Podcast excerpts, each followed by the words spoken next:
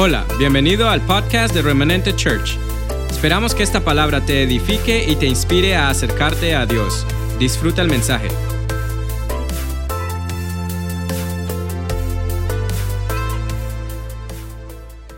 Así se titula la palabra hoy, no te dejes distraer. No te dejes distraer. Sencillo, fácil de recordar, no te dejes distraer. Nos hemos dejado distraer mucho.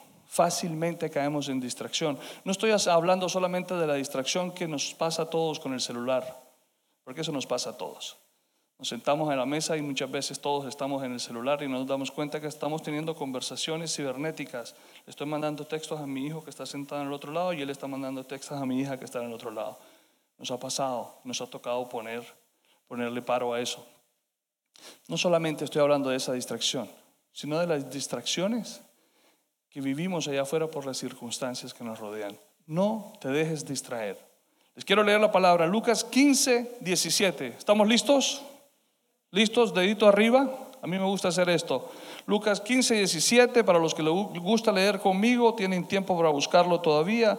Aquí en el chat, si están listos, por favor, pónganme un dedito. Tenemos, para los que están aquí, les gusta saber las estadísticas del servicio online. Tenemos 33 familias ahorita conectadas.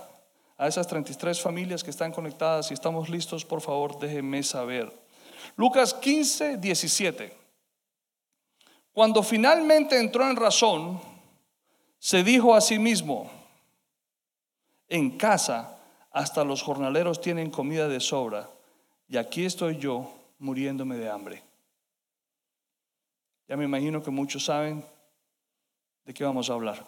El hijo pródigo, ¿verdad? Iglesia, ¿por qué traemos esta palabra en esta mañana? Somos una grande familia, compuesta por muchas familias. Y necesitamos traer palabra para las familias.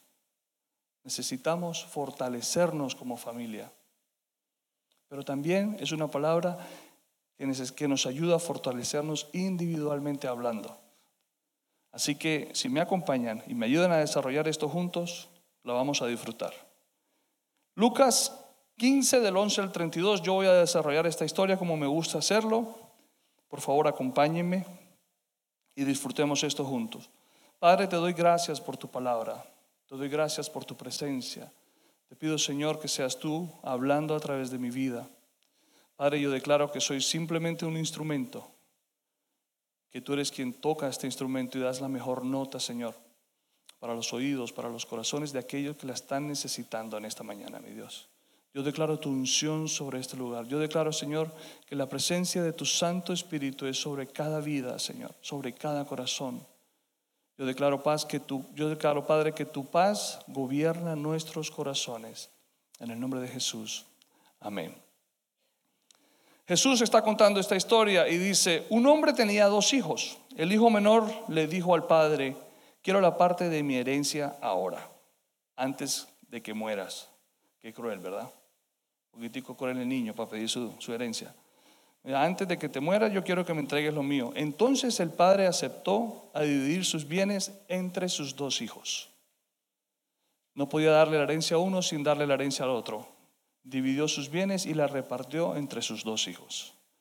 Muestra un padre que no tiene favoritos, muestra un padre que reparte lo que corresponde a cada uno. ¿Saben ustedes que la tradición judía enseña, eh, eh, nos hemos aprendido, nos han enseñado que el hijo mayor recibe el doble, la doble porción de la herencia de los bienes del padre? ¿Sabían ustedes eso?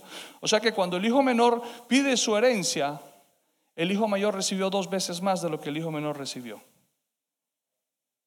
El hijo mayor recibió dos veces más de lo que el hijo menor recibió. Normalmente estas cositas no se explican, pero es bueno explicarlas para que entendamos lo que está viviendo esta familia. ¿Verdad?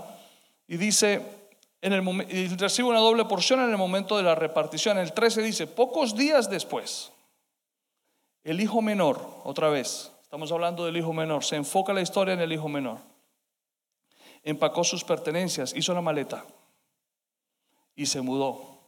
Decidió marcharse a una tierra distante, se fue lejos, se apartó, donde derrochó todo su dinero en una vida desenfrenada. Este muchacho, no sé qué, bajo qué influencia cayó, no sé qué amigos tenía, no sé qué le dijeron que era lo que estaba pasando en la ciudad, pero pidió el dinero y se fue. Este muchacho se dejó distraer, se dejó distraer por lo que le ofrecían allá afuera.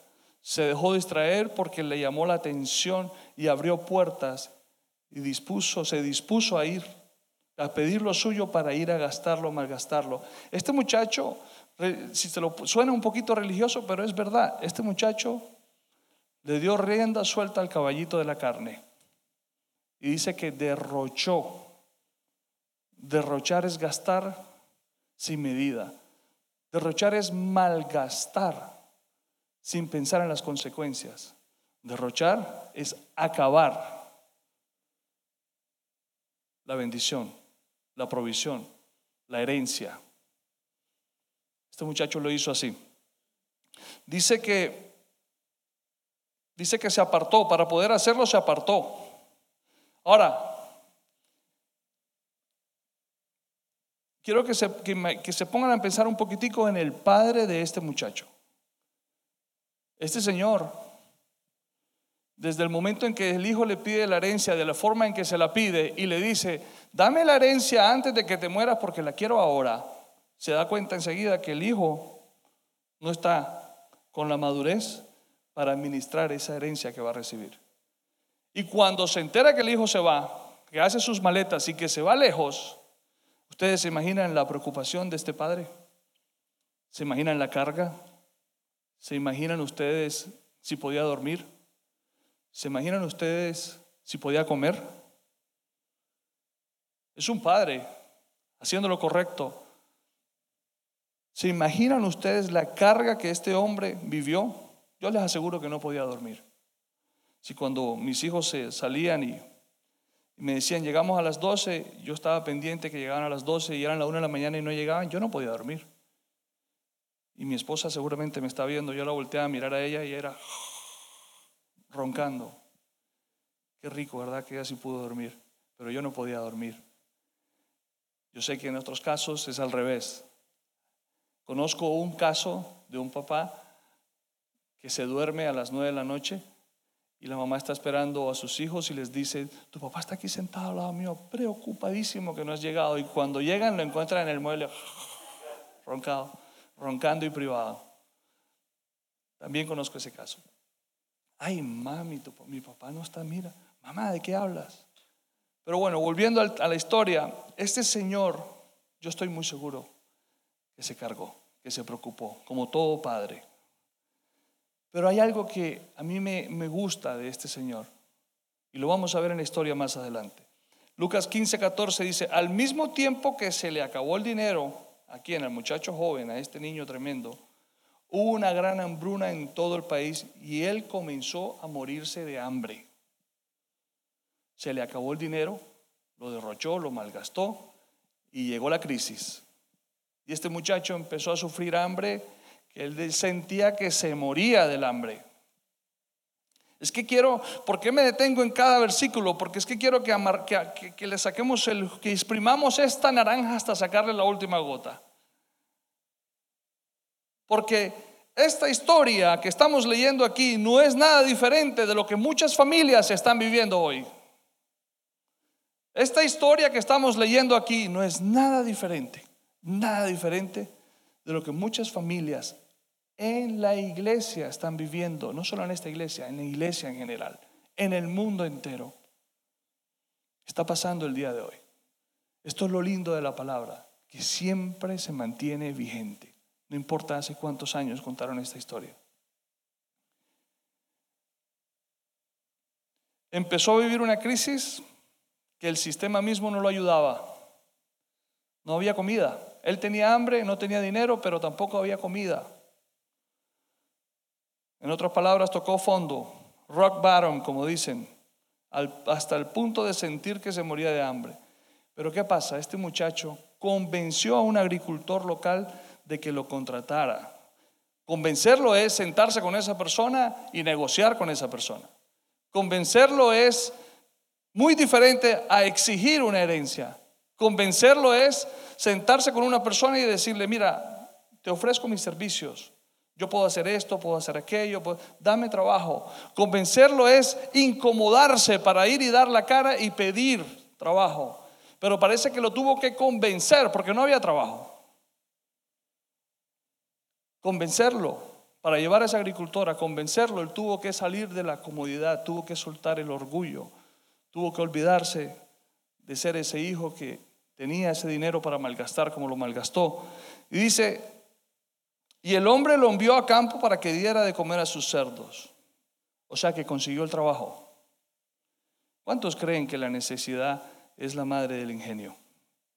¿Cuántos vieron en el año 2020 que nos cerraron todo y nos aislaron y debido a eso, nos tocó ingeniárnoslas, porque la necesidad era muy grande. Muchas veces el Señor va a llevarnos o va a permitir que lleguemos a este punto. No es lo que Dios quiere, ojo, porque entonces ¿para qué está la palabra? ¿Para qué está el manual de vida? ¿Para qué estarán los principios? ¿Para qué está el consejo? ¿Para qué está el Padre? ¿Para qué está la iglesia? Dios no quiere eso. Dios no quiere que tú, que tú llegues y golpees a fondo. Dios no quiere que tú caigas en esa crisis. Dios no quiere que tú experimentes el sentirte que te mueres de hambre. Eso no lo quiere Dios. Dios es un Dios de amor y de compasión. Pero si tú estás distraído en tu cabeza y has llegado a ese punto, si te has dejado distraer por el sistema, si te has dejado distraer por los amigos, si te has dejado distraer por la avaricia, por la codicia, si te has dejado distraer por la ambición, si te has dejado distraer por el dolor, por el rechazo, por la orfandad, si te has dejado distraer por la culpa, ¿qué sucede? Que Dios permite muchas veces que lleguemos a ese punto para que nos demos cuenta de lo que podemos ser llegases, ser capaz de llegar a ser. Se los aseguro somos capaces. Usted no sabe el potencial que hay en usted. Nosotros no sabemos la capacidad que tenemos y muchas veces lo mejor de nosotros sale en los momentos más difíciles. Muchas veces lo mejor de nosotros está después de que tocamos fondo. Este muchacho no sabía que tenía la capacidad de negociar, pero el hambre lo llevó a negociar. Este muchacho no sabía que tenía la capacidad de cuidar cerdos, pero el hambre lo llevó a cuidar cerdos. Un padre nunca quiere que su hijo o su hija llegue a ese punto. Tengan eso claro, tengamos eso tesorado en nuestro corazón. Porque siempre hay un consejo, porque siempre se está orando, porque siempre hay una corrección, siempre hay una instrucción, pero nos dejamos distraer. Y llegamos muchas veces a tocar fondo. Y yo creo que esto no solamente le sucede a los jóvenes, también nos sucede a los adultos. Hay que ser honestos. A todos nos sucede. En ciertas áreas de nuestra vida nosotros hemos llegado a tocar, a tocar fondo porque nos hemos dejado distraer. Dice que el joven llegó a tener tanta hambre, el 16, que hasta las algarrobas con las que alimentaba a los cerdos le parecían buenas para comer. Yo le quiero decir algo, yo me metí al internet a buscar algarrobas y a mirarlas, qué cosa tan horrible. Es horrible. Yo cuando estaba niño yo no sabía que yo jugaba con las algarrobas. Y ustedes saben para qué yo jugaba con las algarrobas. Eran como así de largas, en un palo cerca de la casa, un árbol. Yo las arrancaba y jugaba las espadas con él. Hasta que se partían y salían unas semillas del lado adentro. Olía o feo. Pero bueno, cuando no hay juguetes, cualquier cosa sirve para distracción. ¿Verdad? Aquí se están riendo porque hay más de uno que jugó con algarrobas y no sabía que eran algarrobas. Qué cosa tan horrible.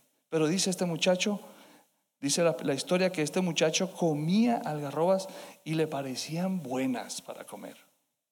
Él no sabía que él podía comer algarrobas. That's tough. Eso es difícil.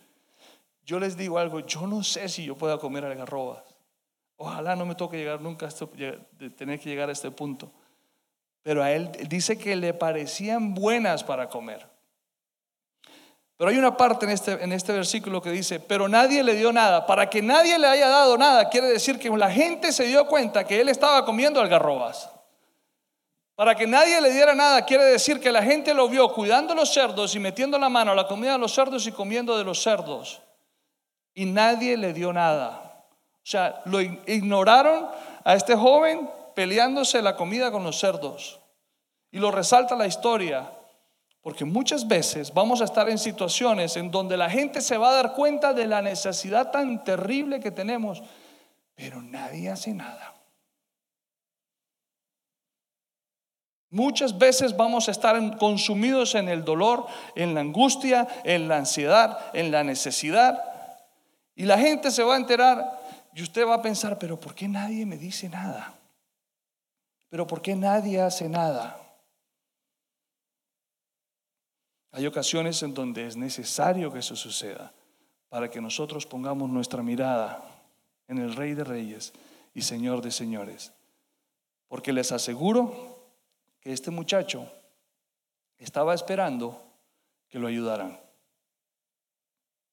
Les aseguro que este muchacho estaba acostumbrado a que cuando lo viesen en necesidad, venían inmediatamente a ayudarlo. Él estaba acostumbrado a esa protección, a ese cuidado, a esos jornaleros de su padre que trabajaban para su padre, cuando lo viesen a él de pronto cargando un balde de agua, estaba acostumbrado a que vinieran a decirle, jefe, venga, yo le ayudo, y le quitaban el balde de agua y él tranquilo caminando atrás. Él estaba acostumbrado a todas esas comodidades. Por eso dice la historia que nadie le dio nada. Yo creo que él se estaba quejando. Yo creo que estamos muchas veces acostumbrados a deme, mi, yo, que me den. Quiero decir algo que va a ser fuerte, pero la cultura hispana está acostumbrada a que le den. Y Dios quiere romper con eso. Porque Dios nos llamó a dar. Dice la palabra que es mejor don dar que recibir. Pero como hispanos, como colombiano, Estamos acostumbrados a que nos den. Estamos acostumbrados a que aquel que está mejor, con más comodidades, tiene que ser el que provee el extra. Y no nos damos cuenta que Dios quiere que estemos igual que aquel que vemos bien o mejor. Pero no vamos a poder llegar a estar ahí donde vemos a aquellos que están bien, si nos quedamos y nos conformamos con el que nos den, con lo que nos regalen, si nos conformamos con lo poco. Dios te quiere dar más, iglesia. Dios te quiere bendecir. Dios quiere sacarte de esa comodidad y quiere romper con esa estructura cultural de nuestro pensamiento, de nuestro corazón, de que creemos que el que tiene más está en la obligación de darnos y bendecirnos. No, no es así.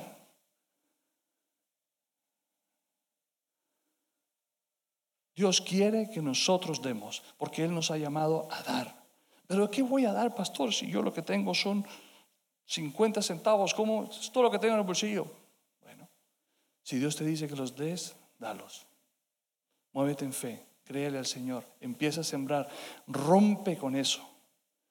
Yo te animo que rompamos con eso en esta mañana. Yo te animo que decidamos en el día de hoy a no dejarnos distraer. Va a sonar duro, pero es que las cosas hay que llamarlas por su nombre, por ese sentimiento de lástima.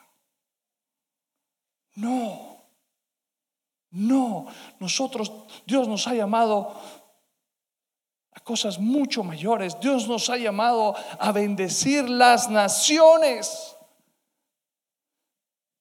Dios nos ha llamado a dar prestado y no pedir prestado. Dios nos ha llamado a ser fuentes de bendición donde quiera que vayamos. Eso está aquí, esa es su promesa, ese es su plan de vida para nosotros, ese es su deseo, ese es su anhelo, Él lo quiere hacer, pero si nosotros nos dejamos distraer, ¿cómo? ¿Cómo puede el Señor obrar en nuestras vidas?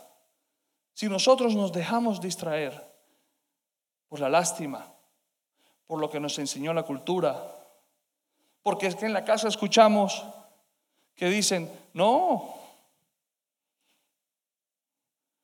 ellos son los que tienen, ellos son los que tienen que dar la mayor parte. ¿Y para qué tienen? A ellos les toca. Así, así dicen. Lo escuchamos en casa. Y crecemos escuchando esto y se vuelve un común en nosotros. Y llegamos a una edad en donde no nos damos cuenta estamos convencidos de que eso es lo normal, cuando la palabra a mí me enseña completamente lo contrario.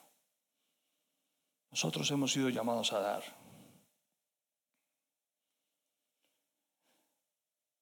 Cuando finalmente entró en razón, oh, el muchacho entró en razón, despertó, se dio cuenta, abrió los ojos, se dio cuenta que estaba distraído, dice el 17. Cuando finalmente entró en razón, le hizo clic en la cabeza. Cuando finalmente entró en razón, se dijo a sí mismo, en casa hasta los jornaleros tienen comida de sobra. En casa de papá siempre va a haber comida de sobra. En esta casa hay comida de sobra. No te dejes distraer por lo que te están ofreciendo allá afuera. No te dejes distraer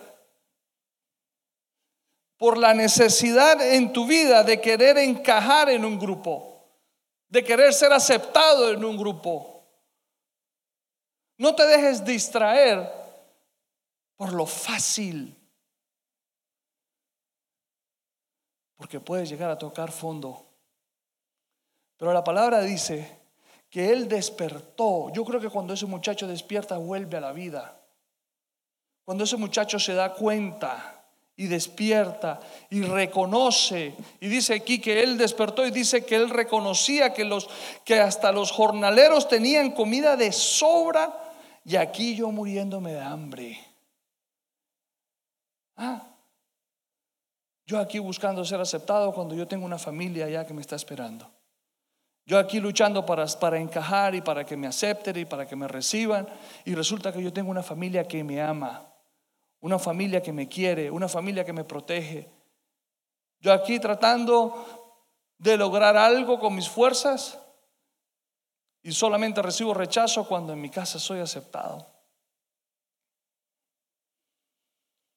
Este muchacho se le cayó el velo. Tuvo que tocar fondo para que se le cayera el velo. Hay jóvenes aquí que han tenido que tocar fondo para que se le caiga el velo. Hay adultos aquí que hemos tenido que tocar fondo para que se nos caiga el velo. Más difícil todavía, hay cristianos que necesitan tocar fondo para que se les caiga el velo de la religión y empiecen a vivir el Evangelio de transformación. Porque vivimos el Evangelio como una religión y eso es un velo gigante que nos roba y que nos distrae. Dice el joven, volveré a la casa de mi padre y le diré, ya le empezó a planear. Oh, se volvió estratégico el muchacho, la necesidad lo llevó a, a planear. Y dice, y le diré, padre, he pecado contra el cielo y contra ti. Yo no soy digno de que me llamen tu hijo. Te ruego que me contrates como un jornalero. Al caerse el velo a este muchacho, él cae inmediatamente en reconocimiento. Necesitamos reconocer nuestra falta. Necesitamos reconocer que nos hemos dejado distraer. Necesitamos reconocer que hemos fallado. Necesitamos reconocer que hemos caminado en pecado. Necesitamos reconocer que nos hemos apartado. Necesitamos reconocer que nos hemos dejado distraer porque no hemos tenido un corazón humilde. Ahorita vamos a llegar ahí. Nos hemos dejado distraer por el orgullo, por el ego. Nos hemos dejado distraer y nos han robado mucho. Pero necesitamos reconocer, como lo hizo este muchacho, este muchacho no se justifica. Este muchacho no le dio hecho la culpa a la hambruna que había en el país, porque había hambruna en el país. Y él no se justificó. Él no dice, no, lo que pasa es que sí, sí, se me acabó el dinero, pero si hubiese trabajo, yo estuviera bien. No, él no dice eso. Él reconoce su falta. Él no se esconde de ella. ¿Qué sucede cuando tú reconoces tu falta? ¿Qué sucede cuando tú vuelves a casa y reconoces tu falta? ¿Qué sucede cuando tú vuelves y decides? Inmediatamente conectas con tu plan de vida. Es inmediato. Así de misericordioso es nuestro Dios. Así de amoroso, así de comprensivo es nuestro Dios. Entonces dice, regresó a la casa de su padre y cuando todavía estaba lejos, su padre lo vio llegar lleno de amor y de compasión, corrió hacia su hijo, lo abrazó y lo besó. Su padre estaba esperándolo.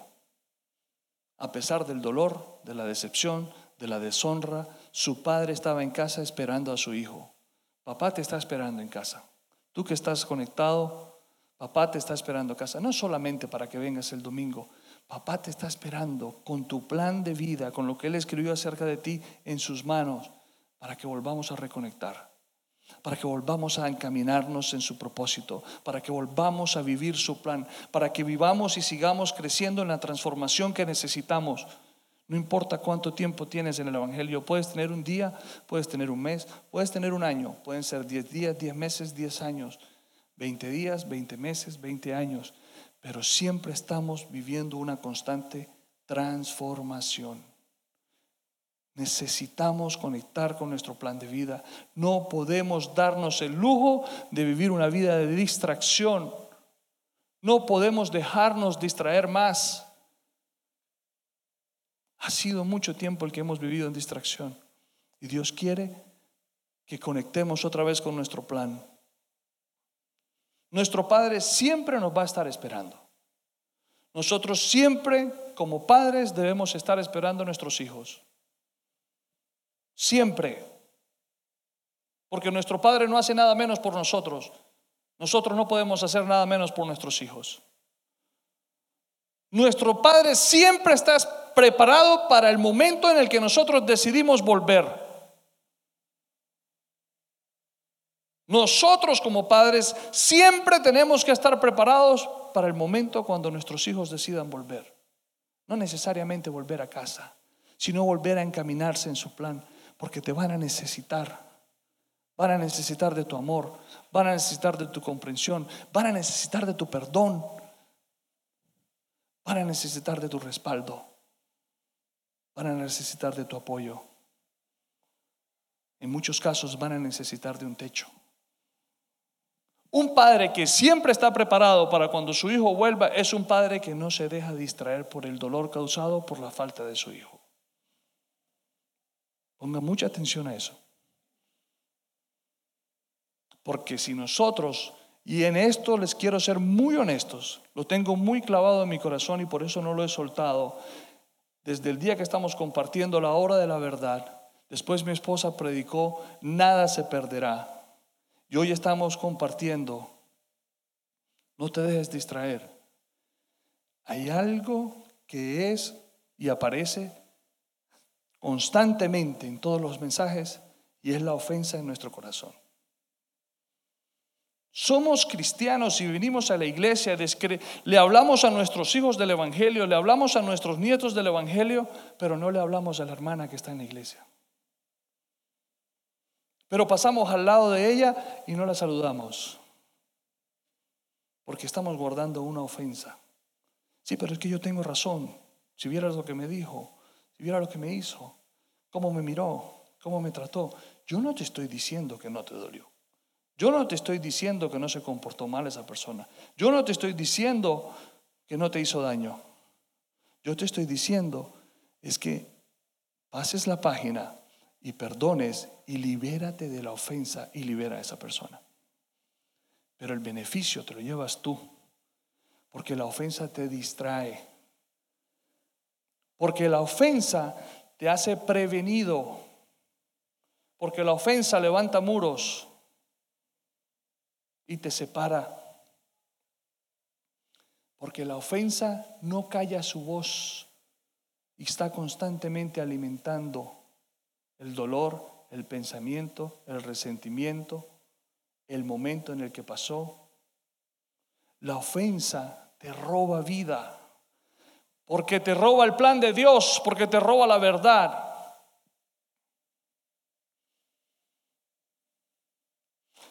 Como padre, les dije que había algo, algo que había hecho este padre que me gustaba mucho. Él no se dejó distraer por la deshonra. Él no se dejó distraer por el dolor de saber que su hijo estaba en necesidad. Él no se dejó distraer. Él hizo provisión. Porque él confiaba en la palabra, porque él confiaba en la verdad, porque él confiaba en el principio. Nosotros necesitamos hacer provisión y no dejarnos distraer.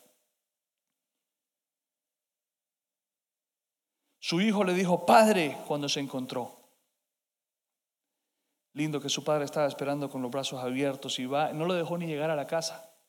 Dice que a lo lejos estaba y él corrió y lo besó y lo abrazó. Y el muchacho llevó a cabo el plan exactamente al pie de la letra, como él lo había dicho. Y dijo, Padre, he pecado contra el cielo y contra ti.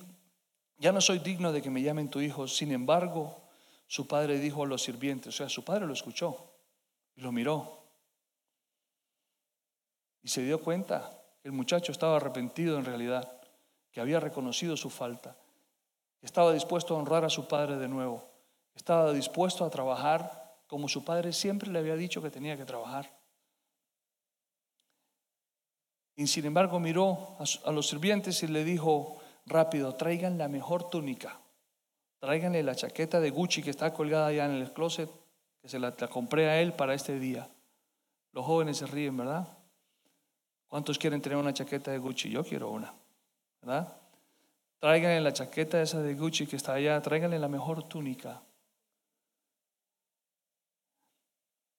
Dijo, la mejor que haya en toda la casa, y vístanlo.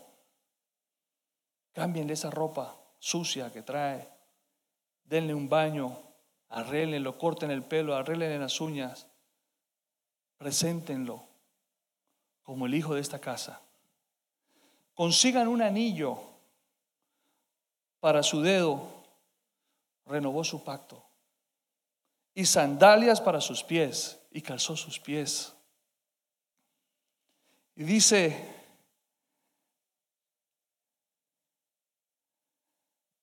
dice después en el 15:23, maten el ternero que hemos engordado. Él estaba haciendo provisión. Él estaba esperando ese momento. Dios está esperando ese momento para ti. Dios quiere hacer una gran fiesta con tu vida. Dios quiere que vuelvas a casa. Dios quiere que conectes con su plan. Dios quiere que confíes en el plan que Dios tiene para nosotros. Dios quiere que confiemos, que, que no solamente creamos, sino que confiemos. maten al ternero que hemos engordado, tenemos que celebrar. Si es que esto no pasa todos los días, tenemos que celebrar con un banquete, dice. Este padre me gusta que no se deja distraer. Hizo provisión. Él no se dejó desenfocar por el dolor, sino que siguió preparando y caminando para, para cuando su hijo volviese a casa. Nosotros tenemos que hacer eso con nuestros hijos. La iglesia tiene que hacer eso con los miembros. Se fueron hablando mal, se fueron diciendo cosas malas de nosotros, se fueron diciendo que no servíamos, pero no importa, yo no me dejo desenfocar, yo sigo haciendo la obra de Dios. Y estamos preparando y haciendo provisión para cuando vuelvan por esa puerta. Y el día que vuelvan, vamos a hacer fiesta. El día que vuelva, vamos a matar el cordero que tenemos engordando allí y vamos a comer rico y vamos a disfrutar ese momento. En gozo, en alegría, en paz, porque no hay nada mejor que reconocer para volver otra vez a encaminarnos en el plan de Dios. Y dice el 24, porque este hijo mío estaba muerto. Eso sucede cuando nos dejamos distraer. Morimos. Morimos al plan. Suena fuerte, pero eso sucede. Estaba muerto y ahora ha vuelto a la vida. Estaba perdido y ahora ha sido encontrado. Y entonces comenzó la fiesta. Hubo fiesta en casa. Eso sucede cuando nosotros reconocemos nuestra falta, reconocemos nuestro pecado. Eso sucede cuando nosotros volteamos nuestra mirada al Señor y volvemos a casa. Hijo, joven que estás aquí, eso debe suceder cuando vuelvas a casa. Si tu arrepentimiento es sincero y es honesto, si tu reconocimiento es sincero y es, sincero y honesto, eso debe suceder cuando decidas volver a casa. Joven, cuando entras en razón, prácticamente vuelves a la vida. Cuando entras en razón, aceptas el plan de Dios. Cuando no te dejas distraer por la falta, por la ofensa, conectas con Dios, con el plan de Dios. Cuando entras en razón, joven, vuelves a la vida y dejas y empiezas a vivir y dejas de sobrevivir. Hay mucho joven que está sobreviviendo, arropado por una nube de depresión, de incomprensión, de juicio, de dolor. Yo sé de lo que les hablo. Yo fui joven en esta nación y a mí me sucedió. ni siquiera supe que estuve en depresión por año y medio, casi dos años y no tuve con quién hablarlo. ¿Saben qué, ¿Saben qué sucedió después de la depresión? Cuando estaba en esa depresión, un espíritu de perdición me perseguía a todos lados. Porque el enemigo quería destruir esto que está pasando hoy. Esto quería robarse el enemigo. Yo tuve un momento de la hora de la verdad. La hora de la verdad no es hoy. La hora de la verdad fue cuando yo tenía 22 años y decidí recibir al Señor en mi corazón. Cuando realmente yo no decidí, porque aprendí aquí que el Señor me alcanzó y me abrazó y me demostró su amor y me perdonó. Y me dijo, no más, porque yo tengo un plan contigo. Y transformó mi corazón. Y me hizo libre de todo espíritu de perdición que me perseguía horriblemente todos lados donde yo iba me perseguía. Ya era normal que donde yo estuviera hubiera problemas. Miren, era tan tremendo lo que a mí me pasaba que todo lo que llegaba a mis manos se dañaban y me decían manitos calientes. Todo se dañaba. No había correa de, de, de reloj que no se me reventara. No habían zapatos que no se me abrieran. Todo. Se están riendo de mí, yo creo que voy a parar ahí. Pero es verdad, sucedía. Pero el Señor me alcanzó, su amor me rescató, su misericordia, su plan, su gracia, su verdad me cobijó. Y el enemigo no se pudo robar esto que está pasando en el día de hoy. Amén.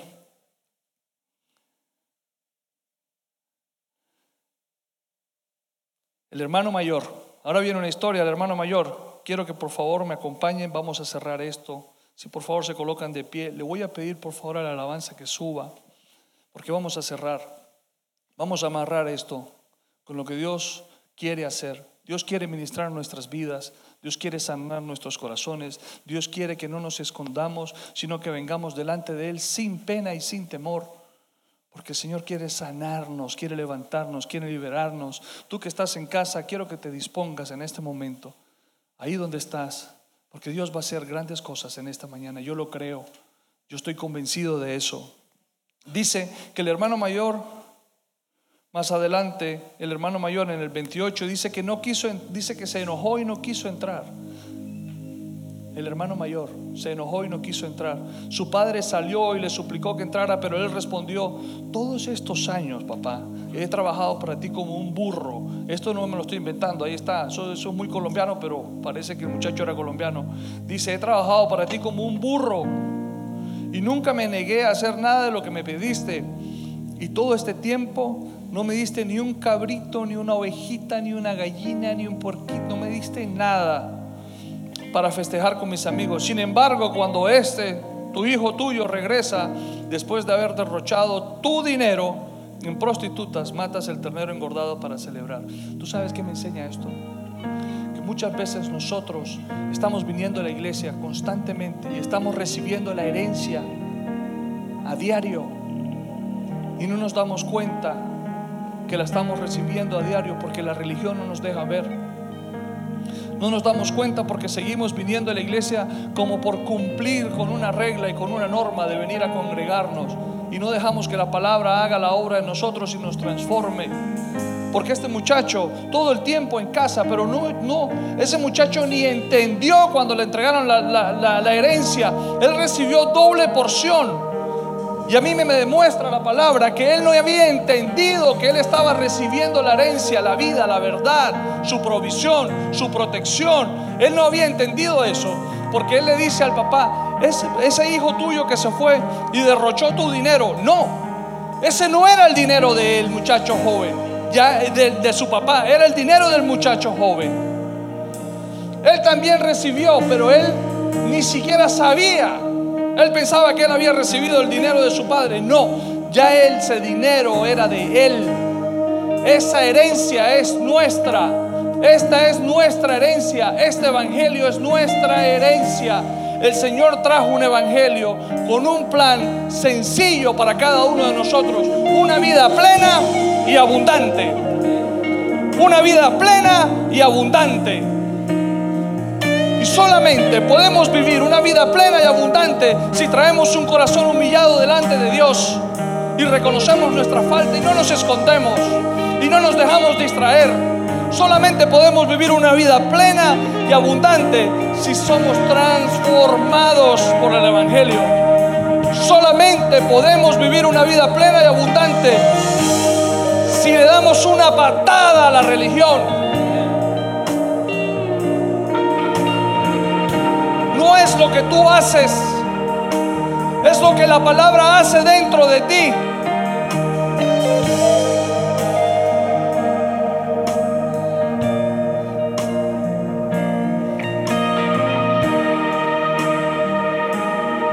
Su padre le dijo, mira, querido hijo, tú siempre has estado a mi lado y todo lo que tengo es tuyo. Teníamos que celebrar este día feliz. Tenemos que celebrar cuando la gente vuelva.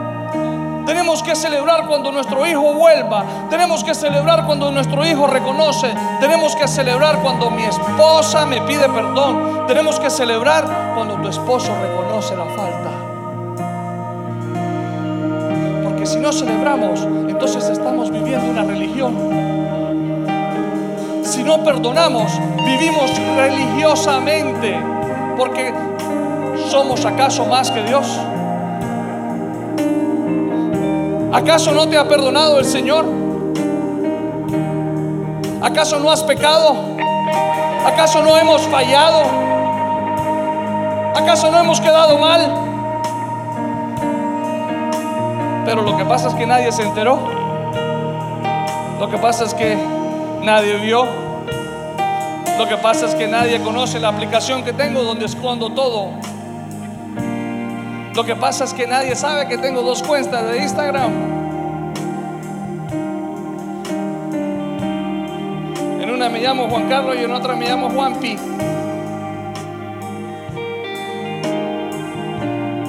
Pero cuando vemos que mi hermano, que mi mamá, que mi esposa, que mi esposo, que mi hijo viene a pedirme perdón y reconoce, no, yo me paro en en santidad. Porque yo te lo dije. No. Estamos viviendo una religión entonces. Nosotros necesitamos ser transformados. Nosotros necesitamos perdonar la ofensa. Nosotros necesitamos pasar esa página. Nosotros necesitamos hacerlo. Dejar que esa palabra obre en nosotros.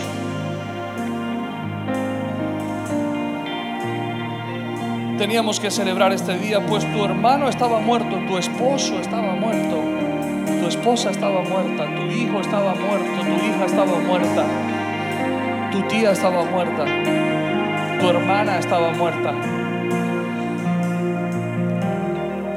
Pero ha vuelto a la vida. Tú sabes que tú y yo somos esa fuente y ese punto de referencia en nuestras familias que nos van a ir a buscar para encontrar vida.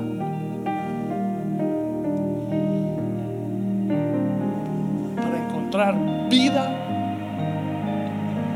Tú sabes la vida que tú das cuando tú perdonas. Tú sabes la vida que tú das cuando tú abrazas. Tú sabes la vida que tú das cuando tú entiendes y comprendes. Tú sabes la vida que damos cuando no juzgamos.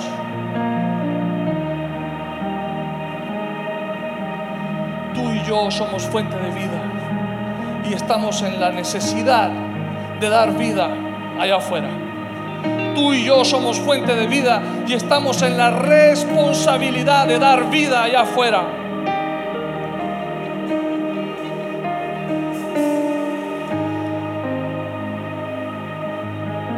Hay gente que nos busca para sentirse que volvieron a encontrarse consigo mismos y nosotros nos paramos en una actitud religiosa. Y les decimos, pero yo te lo dije. ¿Te acuerdas? Nada me vengas a decir ahora que yo sabía que ibas a venir a esto. Religión, mentira. Religión que destruye, que roba, que mata el plan de Dios.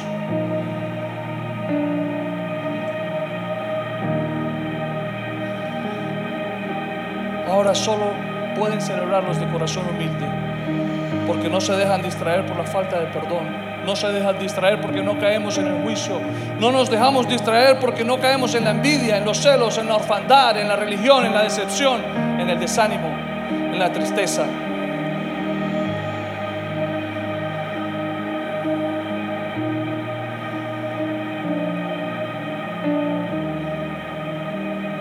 Del mismo modo ustedes, los más jóvenes y todos los que estamos aquí, tenemos que aceptar la autoridad de las personas que están sobre nosotros y todos vistámonos con humildad en nuestro trato los unos con los otros. Porque Dios se opone a los orgullosos. Ajá, sí, Él se opone a los orgullosos, pero da gracia a los humildes. Así que humillémonos ante la poderosa mano de Dios y a su debido tiempo Él nos levantará con honor. Pongamos todas nuestras preocupaciones y ansiedades en las manos de Dios porque Él cuida de ustedes, porque Él cuida de nosotros.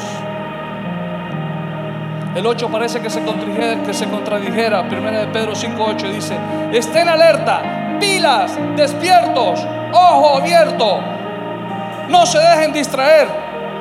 Cuídense de su gran enemigo, el diablo, porque anda al acecho como león rugiente, buscando a quien devorar, trayendo distracción a nuestras vidas.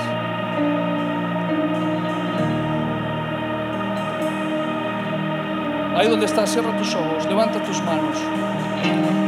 Si es primera vez que tú has escuchado un mensaje como estos, si es primera vez que tú estás conectado y escuchas un servicio como estos, tú quieres encontrarte con ese plan, tú quieres encontrar esa esperanza de vida, tú quieres estás en la necesidad y estás viviendo en dolor, pero tú quieres ser restaurado, quieres ser levantado, quieres encontrar vida porque no has encontrado sino muerte y perdición. Si es primera vez que a ti te pasa y estás allí conectado, si te está pasando eso ahora aquí, que tú que estás aquí, hermano querido, que estás ahí conectado, hermano querido, y también te está pasando, aunque no sea la primera vez que escuches esto, repite conmigo esta oración, Señor Jesús, yo reconozco que he pecado contra el cielo y contra ti. Te pido perdón. Te pido que me perdones, Señor. Te pido, Padre, que me des vida en esta hora. Te pido, Padre, que ese plan del que, del que hemos estado escuchando en esa mañana, ese plan que tienes con mi vida, se cumpla todos los días de mi ser. Escribe una vez más mi nombre, Señor, y no permitas en ese libro de la vida y no permitas que nunca jamás sea borrado. Conozco a Jesús como mi rey, como mi Señor, como mi Salvador, como el más grande, como el más grande, iglesia. No hay nadie más grande que Jesús. No lo hay. Recibe la unción ahí donde estás, Padre. Desciende con unción y con poder en esta hora, mi Dios. Y sana, Señor. Señor, en esta hora, que tu unción liberte, que tu unción pudra, Señor, en esta hora, todo yugo de opresión, Señor, sobre las vidas aquí. Esperamos que este mensaje haya sido de bendición. No te olvides de suscribirte a nuestro podcast y seguirnos en Facebook e Instagram arroba remanente church.